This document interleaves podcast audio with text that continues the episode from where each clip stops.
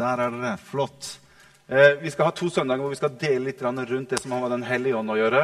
Og jeg må si at det å skulle dele noe om Den hellige ånd på to søndager, en, cirka en liten sånn halvtime hver søndag, det er utfordrende. Bare for å ha sagt det. Det er så mye stoff, og det er så mye man ønsker å få delt. Så jeg har skrella og skrella og skrella og skrella og skrella og tenkt nei, men jeg kan jo ikke ta bort det. Jeg kan jo ikke ta, For det er så mye bra å undervise og dele om Den hellige ånd. Men jeg tror noen ganger at å erfare noe er mange ganger mye, mye bedre lærdom enn å vite om noe. Og det var noe av det som jeg opplevde i mitt liv når jeg var liten gutt, som jeg delte litt her forrige søndag, det at jeg fikk begynne å erfare Den hellige ånds nærvær før jeg hadde noen slags form for teori eller en form for teologisk forståelse av hva det var. Jeg bare opplevde det. Det møtte meg, jeg erfarte det, og jeg kunne ikke bortforklare det, for det skapte en så sterk reaksjon hos meg at jeg visste at dette et eller annet som jeg sa forrige sånn, det kom bare inn på soverommet mitt når jeg var liten gutt. Det er et eller annet.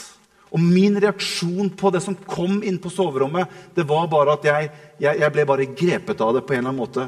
Og jeg begynte å, å, å, å gråte, og jeg måtte, måtte, bruke litt tid for å komme ut av det igjen og så få, få sovet. Men poenget er at jeg fikk erfare noe før jeg begynte å lære om det. Og Noen ganger så kan en erfaring med Gud gjøre mye mye, mye mer med deg og meg enn akkurat det å få masse kunnskap. For kunnskap i seg selv trenger ikke å forandre deg og meg. Kunnskap i seg selv trenger ikke å gjøre noen forandring. Det finnes mennesker som har gått årevis og lært om Gud og lært teologi, men som ikke kjenner Jesus personlig. Hva godt har kunnskap å gjøre da, hvis ikke det bærer noe frukt i ditt og mitt liv? Og det er noe av det som jeg ønsker å dele med dere i formiddag. Det er litt rundt dette med Den hellige ånds funksjon i den troendes liv. Hva er det vi skal bruke Den hellige ånd til? Hva er det han ønsker opp imot deg og meg som en troende? Hva er hans oppgave? Hva er hans rolle i ditt og mitt liv? Og Derfor så er det veldig utfordrende for meg å liksom tenke ABC. Morten, du må tenke ABC. Nei, nei, så, så mange ganger jeg sitter jeg Nei, nå er du ute på G og H og I og J og sånn. Nå må du komme deg tilbake helt ned. Så dere får ha liksom Ja. Eh, det er ikke enkelt å skulle legge dette helt på ABC, men jeg tror jeg har noe som jeg ønsker å, å dele med dere, som jeg tror blir bra for, for alle sammen. Er du klar? Spør sidemannen om du er klar. Er du klar? Deg.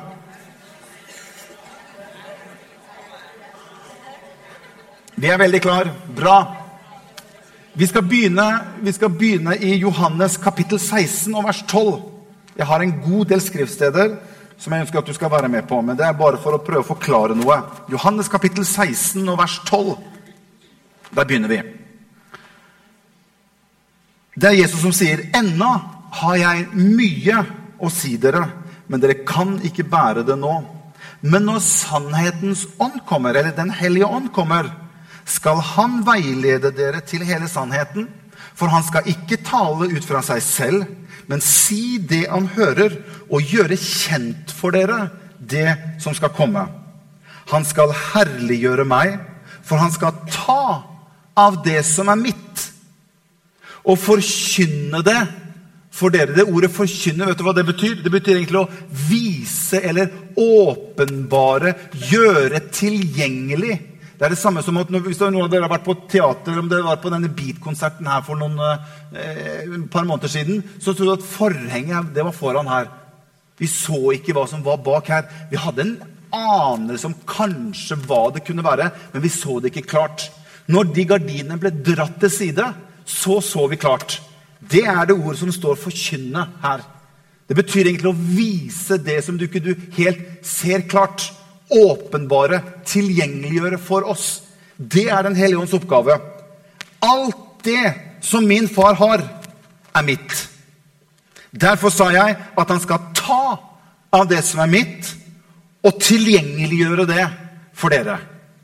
Det er i korte trekk Den hellige ånds oppgave her nede blant oss. Så jeg kunne egentlig gått og satt meg ned, sagt takk for i formiddag, og så hadde dette vært mer enn nok for oss, deg og meg, å grunne på og ta videre i livet vårt. Men vi skal dele litt mer.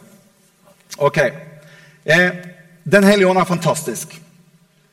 Den hellige ånd, det er kraften i Gud. Den hellige ånd, det er nærværet som vi kjenner.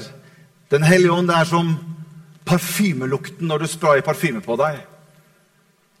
Den hellige ånd er som jeg sa forrige gang, det er den varmen du kjenner fra solen. Og Den hellige ånd han opererer utover hele verden i dag.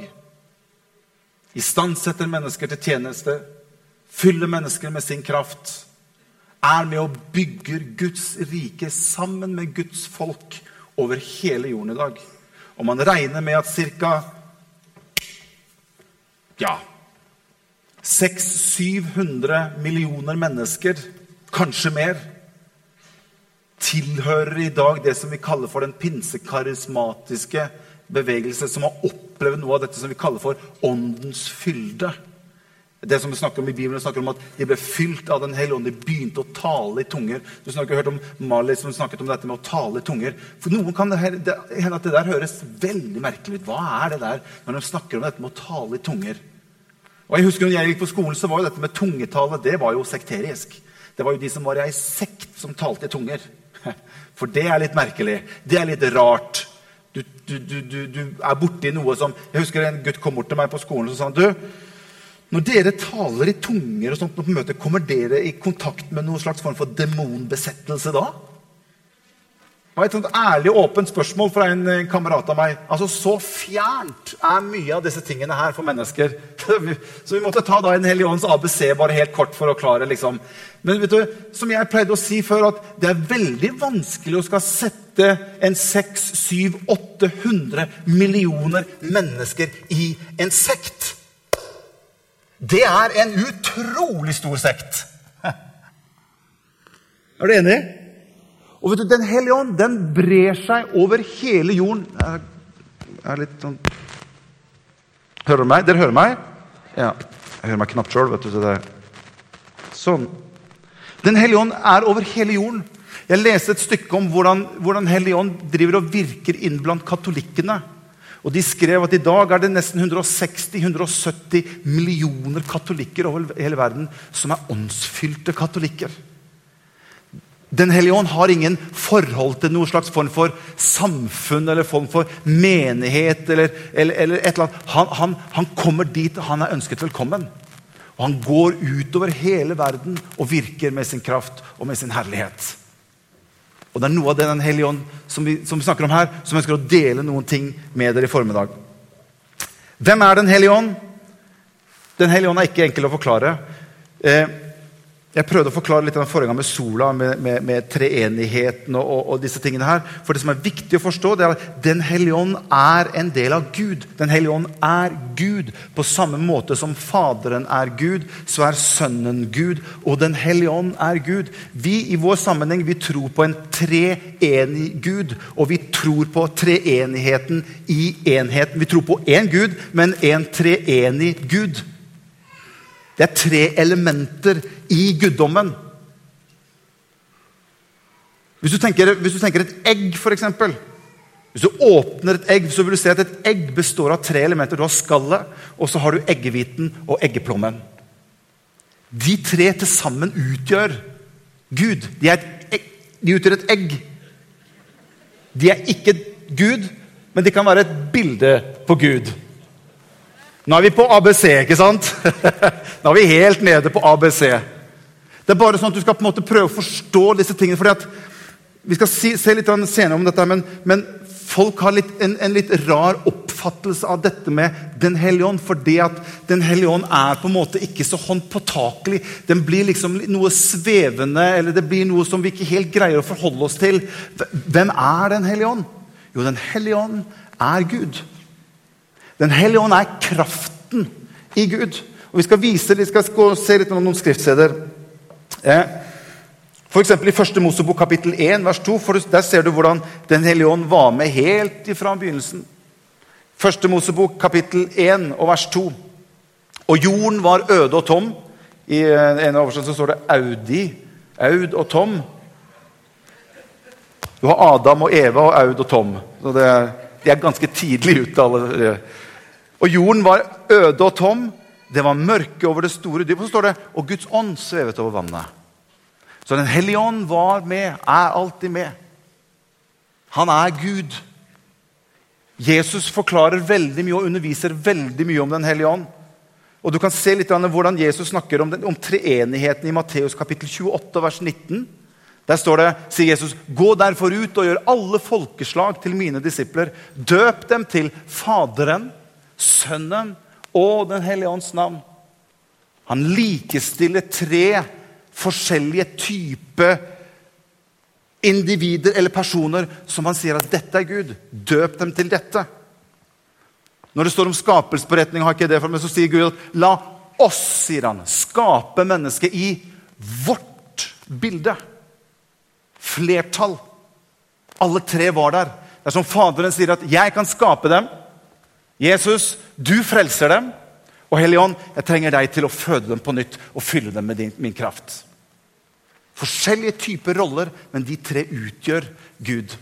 Den hellige ånd har mange navn. Jeg har bare skrevet opp noen navn for å ikke gå for eh, mye i detalj. Eh, I Bibelen kan du lese om sannhetens ånd. Omtales forskjellig. Sannhetens ånd, herlighetens ånd, eh, livets ånd, nådens ånd og hjelperen eller talsmannen Den hellige ånd. Jeg elsker å lese i Johannes evangelium. Når du begynner å komme til kapittel rundt 14, 15, 16 og 17, så underviser Jesus veldig mye om Den hellige ånd. Og Jeg skal bare lese verset som det står i kapittel 14 og vers 17. Der sier Jesus, 'Sannhetens ånd, som verden ikke kan få', for den ser ham ikke og kjenner ham ikke. Dere kjenner ham. Og så står det, 'For han blir hos dere og skal være i dere'. Her er vi inne på en veldig viktig undervisning av Jesus. Fordi at Jesus begynner å ta tak i det som skal komme. Og han kobler det opp imot erfaringen til jødene for det de hadde opplevd frem til nå. Så Jesus sier at når han kommer, han som kommer etter meg Det er ikke noe det, det er ikke noe flytende, det er ikke noe, det er ikke noe uhåndpåtagelig, det er ikke noe tunger, det er ikke noe kraft i seg selv. Det er en person som kommer etter meg. Han er Den hellige ånd. Han omtaler han som han når han kommer. Og så sier han han skal være hos dere. sier han. Ja, han skal fortsette å være hos dere. For jødene og det israelske folk var jo vant med å ha noe av denne følelsen av at han var hos dem. Gud kom og fylte tempelet med sin herlighet.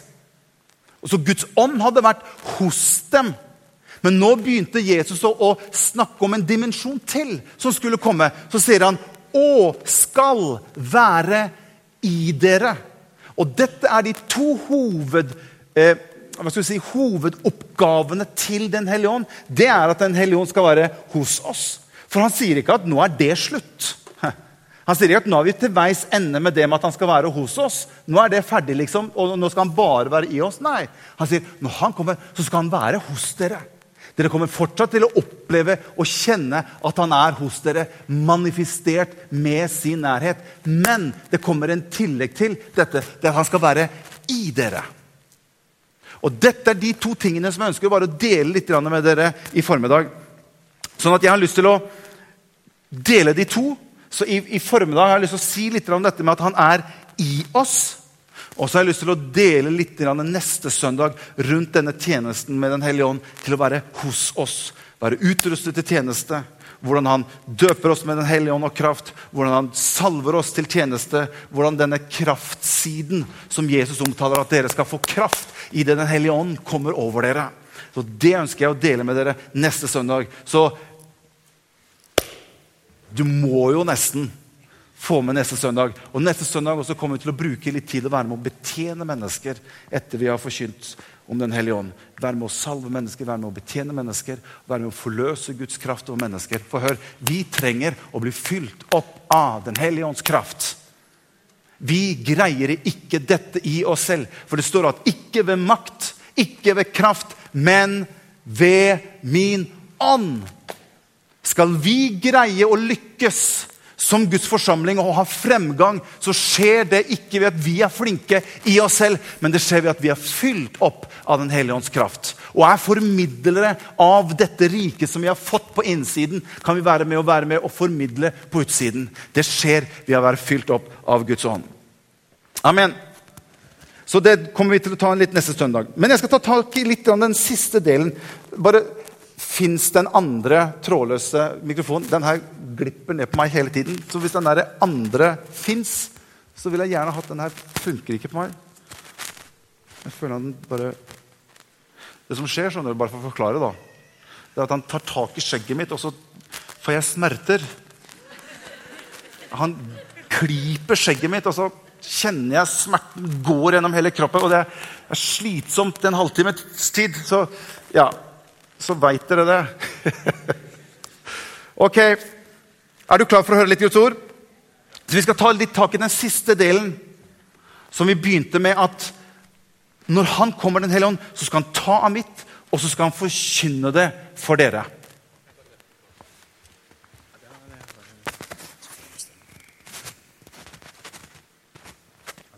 Nå er det bedre. Hva har du gjort for noe? Magic hands? Flott! Det var bedre. Takk skal du ha. Jeg har lyst til å bare ta tak i den siste delen litt rundt dette med som vi leser om at han skal ta av det som hører Guds rike til, og vise det eller åpenbare det for oss. For jeg tror det er noe av grunn, hva skal vi si, tjenesten til Den hellige ånd i våre liv. Og vet du hva? Når jeg leser om dette, jeg blir fantastisk oppmuntret. Jeg kjenner Når jeg leser jeg kjenner, når, jeg, når jeg studerer dette, så kjenner jeg yes, det er mulighet. Ja, det er mulighet. Det går an. Det går an å høre fra Den hellige ånd. Han vil faktisk at vi skal greie å høre hva han har å si. Han har noe han ønsker å meddele oss i våre hjerter, i våre liv. Han er på! Det er ikke sånn med Den hellige ånd at han er liksom vanskelig å få tak i, umulig å få oppleve. Han er nær, han er villig, han er på for å være med og gi deg og meg av de ting som tilhører Guds rike, slik at du og jeg skal få lov til å vokse i våre liv og i våre tjenester sammen med Gud. Amen. Ok, La oss gå inn i, i, i, i teksten her. Første Korinterbrev, kapittel 2 og vers 7-10. Der står det Men vi taler Guds visdom i hemmelighet. Den skjulte visdom som Gud før tidenes begynnelse bestemte til vår herlighet. Den visdom som ingen av herskerne i denne tidsalder har kjent. For hadde de kjent den, hadde de ikke korsfestet herlighetens herre. Men som det er skrevet. Det øyet ikke har sett, og det øret ikke har hørt, det som heller ikke kom opp i menneskets hjerte, det som Gud har forberedt for dem som elsker ham, det har Gud åpenbart for oss. På hvilken måte? Ved sin ånd. For ånden ransaker alle ting, ja, også Guds dybder. Ser du hva som sto i det siste der? Det har Gud åpenbart for oss. På hvilken måte? Ved sin ånd. Det er det som er oppgaven til Den hellige ånd i mitt liv. Det er å åpenbare ting som har med, som har med Guds rike å gjøre. Gå, gå sammen med meg til Markus kapittel 11, vers 22 og vers 24. Jesus svarte og sa til dem Jeg synes det, det Altså, dette er Jesus. En, en sånn enkel, liten setning kommer Jesus med. Jesus sier til dem, 'Ha tro til Gud'. Punktum. Jesus selv sier bare en sånn enkel sak som det. Ha tro til Gud! Og så sier han videre for sannelig, jeg sier dere, den som sier til dette fjellet, løft deg og kast deg i havet, og ikke tviler i sitt hjerte, men tror at det han sier, skal skje. Han skal få det som han sier. Derfor sier jeg dere, alt det dere ber om, når dere ber, tro at dere får det, og det skal bli gitt dere. Som du ser i de to tekstene som vi har lest her, så ser du veldig klart at Den hellige ånds oppgave er en slags form for overføringsjobb. Som en slags form for mellomledd mellom Guds rike og meg, eller min ånd. Og Jeg har lyst til å bare, til å bare vise dere litt hvordan disse tingene fungerer. Er det greit? Jeg har tatt med meg en, en flippover.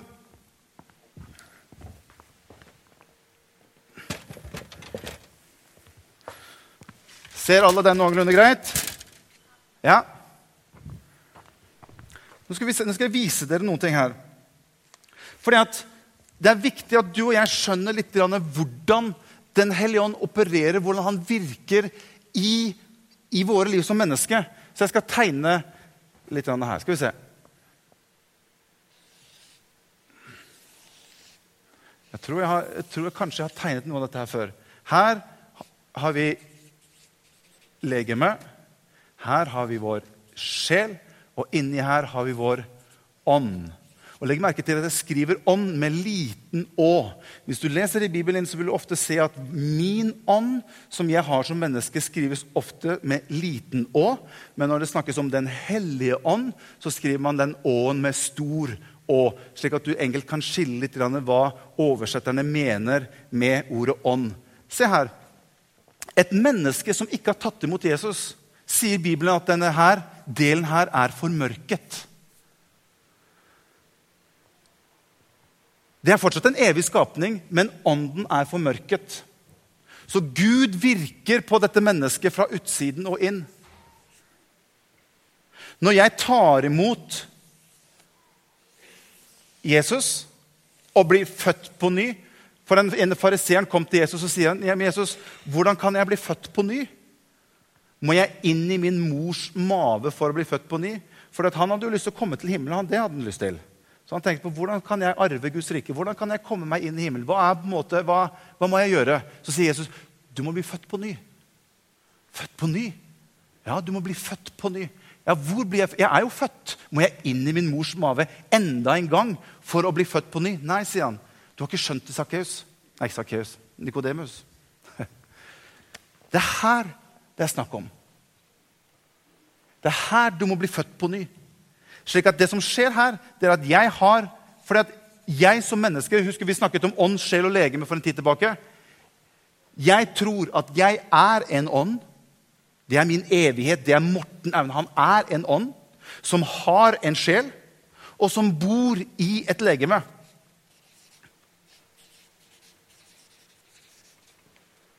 Så når jeg blir født på ny, som Bibelen snakker om, når Guds ånd kommer, og jeg sier et ja til Jesus, så skjer det et under inne i min ånd. Det evige som jeg er, Morten Aune, jeg er en ånd. Jeg har en evighet. Alle mennesker har en evighet inne i seg. Når jeg tar imot Jesus, så skjer det et under. Min ånd blir, som Bibelen sier, født på nytt. Hva betyr det, og hva er det som skjer? Jo, det som skjer, det er at Den hellige ånd flytter inn og tar bolig i min ånd. Min ånd er der, jeg er fremdeles her. Men Den hellige ånd tar bolig i min ånd og føder meg på nytt. Det er ikke sånn at jeg er ut og han er inn. Nei. Han flytter inn i min ånd og føder den på nytt. Og hør, og han blir værende her. Og det er dette som vi snakker om nå. For sånn her oppstår det. Og her skal det være en kommunikasjon mellom min ånd og Den hellige ånd. Og Nå begynner vi å nærme oss det som er på en måte noe av si, hovedjobben til Den hellige ånd i våre liv. Vi gå litt videre her. Ok, Henger du med fortsatt? Romerne kapittel 10, 15. Der står det troen. For jeg vil jo ha en sånn tro som vi leste om nettopp det her, at, at eh, når dere ber, tro at du har fått det, og du skal få det. Be om alle altså, Den type tro, det vil jo jeg ha. Og så står det i Romerbrevet, så sier Paulus i Romerne 10, vers 15, så sier han troen kommer av det en hører. Og det en hører, kommer ved Guds ord. Får vi opp romerne? Der har vi det. Troen kommer av det en hører, og det en hører, kommer ved Guds ord. Så hvordan kan jeg få denne troen til å fungere i livet mitt? Hvordan kan jeg få en sånn type tro som greier å ta imot og tro at de har fått det, og ikke bare det, men kan greie å få lov til å få se det virkelig i livet mitt? Ja, jeg kan ikke gi deg det. Bare, så, bare sånn at det er helt klart. Jeg kan ikke gi deg den type tro. Men jeg kan gi deg svaret på det med en gang. Er det noen som er interessert i det svaret? Ja, det var jo en fantastisk begeistring. Hør, slik tro Følg med hva jeg sier nå. Slik tro kan du kun få når Den hellige ånd kommuniserer med din ånd. Hør nå, vær med meg nå. Når, når, når Paulus sier i romerbrevet at troen kommer av det en hører, og det en hører, kommer av Guds ord La meg stille et spørsmål. og det er kanskje noen av dere som har vært med litt. Tror du at det fins en begrensning i at det er kun det som står i Bibelen, det snakkes om her når det står at troen kommer av Guds ord? Er det kun begrenset til de ordene som står i Bibelen, eller hvordan er det? Hva da med den tiden hvor Bibelen ble skrevet? Folk var jo gjenfødt. Kunne ikke de få tro, de, da? Fordi at Bibelen var jo fortsatt under, un, underveis å bli skrevet. Hva er det snakk om? Den er ikke begrenset. Jeg, jeg, kunne ikke slå opp i Bibelen og finne ut av hvem jeg skulle gifte meg med. Det er mange ting i livet mitt som ikke jeg kan bare slå opp i Bibelen. Det er bare Aud og Tom som har den muligheten til å kunne se at det var de som hørte sammen. Helt fra begynnelsen av så var de tenkt. Men jeg har ikke mulighet til det. Hvordan kan jeg forholde meg til disse tingene? Hør! Jo, gjennom at Den hellige ånd, som har flyttet inn i mitt hjerte, begynner å snakke med min ånd inni meg. Det er da troen kommer. Ja, men du må jo høre Guds ord. Jaha? Du skjønner, Den hellige ånd taler Guds ord i min ånd. Du skjønner, Når Den hellige ånd taler, så er det Guds ord som taler. Og når han taler i min ånd, hva skjer? Jo, troen kommer av å høre Guds ord i min ånd. Så Den hellige ånd taler inn i mitt hjerte, inn i min ånd. Det er en samtale. Jeg greier å fange opp og skjønner, Noe av dette er nøkkelen. Jeg greier å fange opp hva Den hellige ånd sier inni min ånd. Og det skaper tro. Troen kommer av Guds ord til meg. Hvor da? I min ånd. Får dere med det? Ok? Her, kan jeg få lov til å bare forklare, kan jeg forklare litt dypere? Er det greit? Jeg som en troende, jeg har Den hellige ånd. Nå må du henge med her. Jeg som troende har Den hellige ånd, men jeg er også en ånd. Jeg er en ånd som har en sjel, og som bor i et lege. Men jeg er en ånd, men jeg har også Den hellige ånd. Det er noe av dette som Paulus prøver å forklare til menigheten i Korint. Så vi går litt videre. Så skal vi slå opp i 1. Korinterbrev kapittel 3 og vers 1. Se hva Paulus prøver å forklare litt til menigheten der. For Her er vi inne på noe som er veldig viktig for oss som troende. For Paulus han sier det til menigheten Korint, så sier han, og jeg, mine søsken, kunne ikke tale til dere som åndelige, men bare som til kjødelige, sier han. Som til små barn i Kristus. Så Paulus han kaller faktisk de gjenfødte, en del av de gjenfødte i menigheten for kjødelige. Hva er det å være kjødelig? Jo, Jeg husker jo, jeg, jeg tenkte ordet kjødelig. Da, det har med synd å gjøre. Da, da, da lever du, da han er kjødelig. Altså, han, han gjør syndige ting. Nei. Det er ikke det Paulus prøver å beskrive. Han kaller dem for kjødelige og ikke åndelige. Og Paulus prøver å si til dem det dere prøver på, sier Paulus, det er at dere prøver å skjønne Guds rike ut ifra deres menneskelige sanser. Dere prøver å forstå Guds rike. Dere prøver å opparbeide dere tro i livet deres ved sansene deres på menneskelig vis, sier Paulus. Og det går ikke, sier Paulus. Du vil aldri kunne greie å få til en slags form for tro ut ifra å følge sansene deres. For å si at åndelige ting kan kun håndteres åndelig. Henger du med? For det som, er, du skjønner, det som er utfordringen for oss, det er det som vi har her. For selv om, selv om vi har fått vår ånd gjenfødt, og Den hellige ånd flytter inn hit, så er du og jeg som menneske utrolig koblet opp her. Vi har fem sanser. Vi har det å skal vi se, se, eh, høre, føle Er det ikke det? Kjenne Nei, det er vel kanskje samme. Eh, smak, bare sjekke om den var våken. Smake og lukte. Bra. Du skjønner, Disse tingene her er vår største utfordring. Og vi har hatt en tendens noen ganger til at vi skal prøve å øve opp troen vår gjennom dette. Og Når vi snakker om at troen kommer av å høre Guds ord, så har du og jeg tenkt ja, jeg må høre Guds ord. Jeg må høre Guds ord. Men det er ikke disse ørene du skal høre med.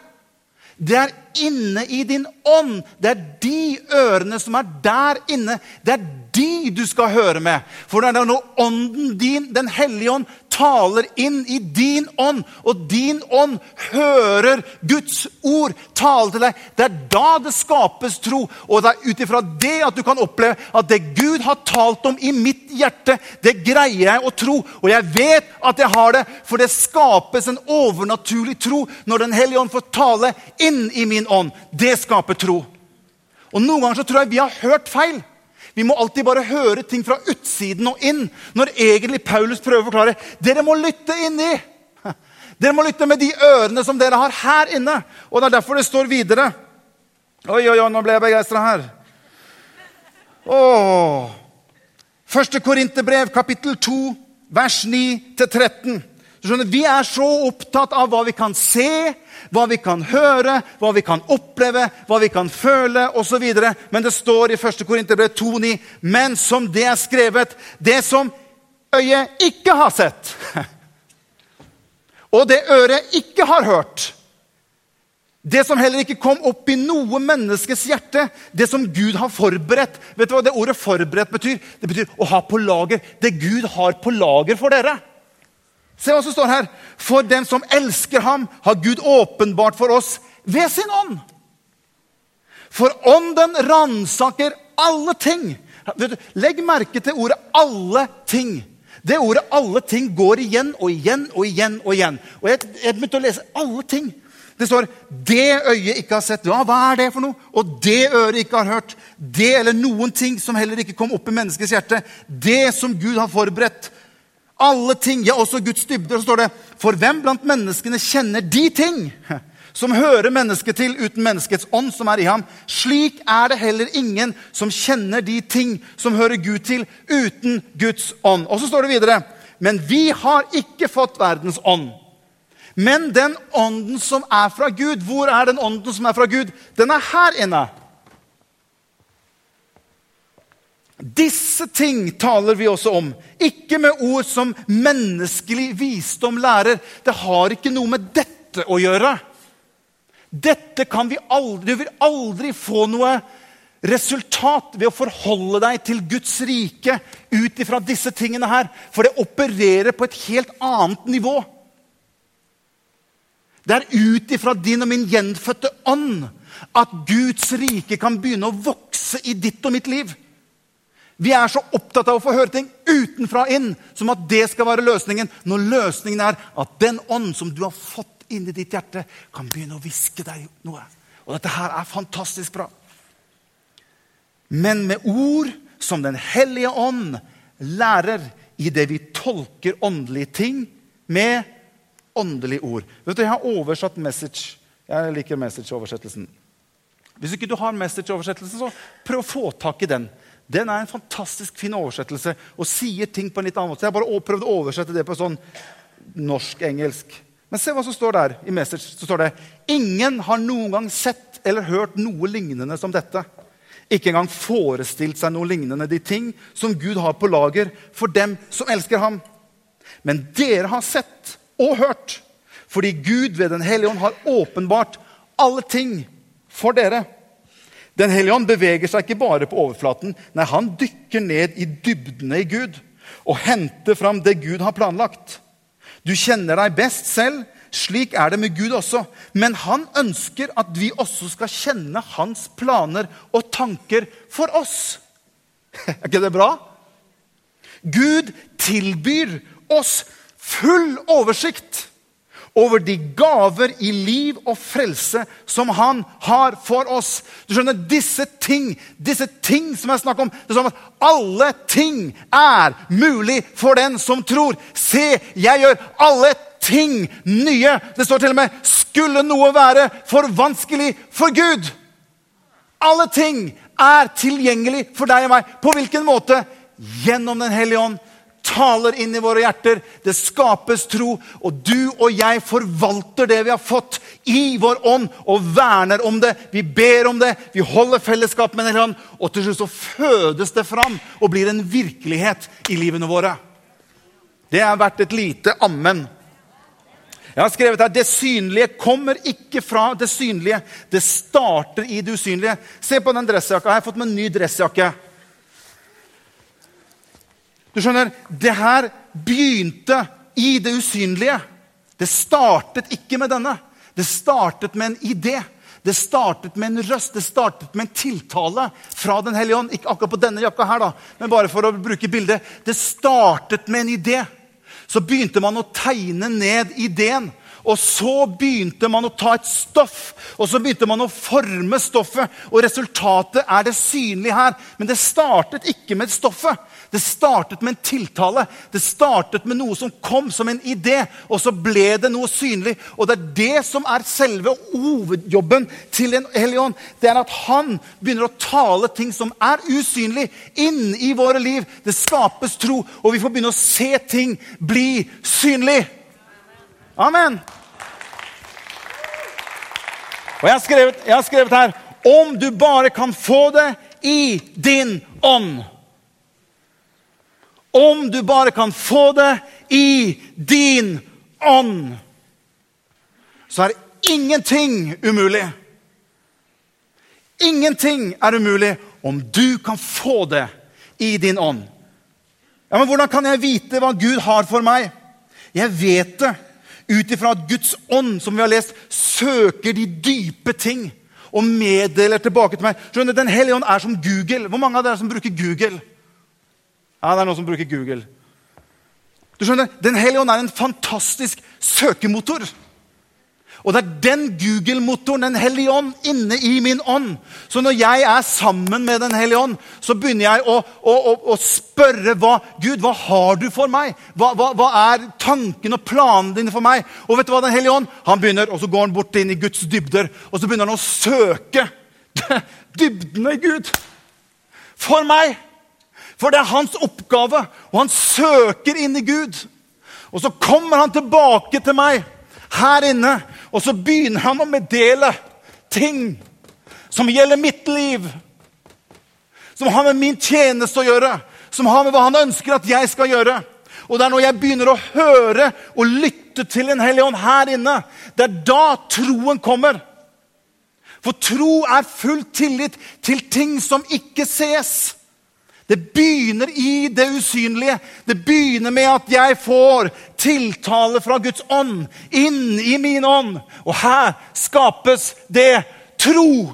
For troen kommer. Du, skjønner, du har kanskje hørt med disse ørene, men Hellig ønsker at du skal lytte med de ørene du har fått inni. Det er derfor det står at den som har øre, han hører hva Ånden sier til menigheten. Det er ikke hva jeg sier. Jeg kan godt være med å sette i gang en prosess. Jesus sa at de, ånd, de, ord som jeg taler, det er ånd og liv. Og de kan gjøre ting. Og det er bra å sitte under forkynnelse som kan være med å sette i gang. Men du og jeg vi må lære oss å lytte inn i vår ånd. Og Den hellige ånd, han er der for deg. Og han søker dybdene i Gud for ditt liv. Han søker det som er relevant for ditt liv. Og derfor så står det at når dere ber, tro at du får det. Hvordan virker den troen? Jo, det har begynt å skje noe her inne. Den hellige ånd har sagt noe til meg i min ånd. Og jeg begynner å merke tro på en helt annen måte enn at jeg bare prøver i egen kraft å få slags tro. Og så må jeg høre enda mer Guds ord, for jeg må høre det inn her. Nei. Den hellige ånd ønsker å tale til deg. Det er det han er til for. Han er din hjelper. Når Jesus sa, jeg skal avslutte med det, når Jesus sa på det verset vi begynte med Ennå har jeg mye å si dere, sa han. Men jeg kan ikke bære det nå. Men når sannheten står, når Den hellige ånd kommer, så skal han veilede dere til hele sannheten. For Han skal ikke tale ut fra seg selv. Nei, han er som en søkemotor. Han søker dybdene i Gud. Han skal veile, han skal ikke tale fra selv, men si det han hører, og gjøre kjent for dere det som skal komme. Han skal herliggjøre meg, for han skal ta av det som er mitt, og åpenbare det for dere. Alt det som min far har, er mitt. Derfor sa jeg at han skal ta av det som er mitt, og forkynne det for dere. Halleluja. Jeg vet ikke hva du har sett, eller du har hørt, men jeg har hørt noe annet. Jeg har sett noe annet. Jeg vet ikke hva mennesker rundt deg har sagt inn i ditt liv, og du har, som, som mennesker har sådd, men jeg har hørt noe annet. Det er bare et eller annet inn på innsiden her som jeg har hørt, og som jeg har sett, som er annerledes enn de ting som jeg ser på utsiden. Og jeg velger å forholde meg til det som jeg opplever Guds ånd har vist meg. Det Han har talt til meg om, det Han har vist meg på innsiden, det ønsker jeg å forholde meg til. Og så ønsker jeg å verne rundt det. Og så en dag så får jeg lov til å se at det blir en virkelighet i livet mitt. Hold fast. Hold fast på det som jeg viste deg. Hold fast på det Gud har talt om deg. I din ånd.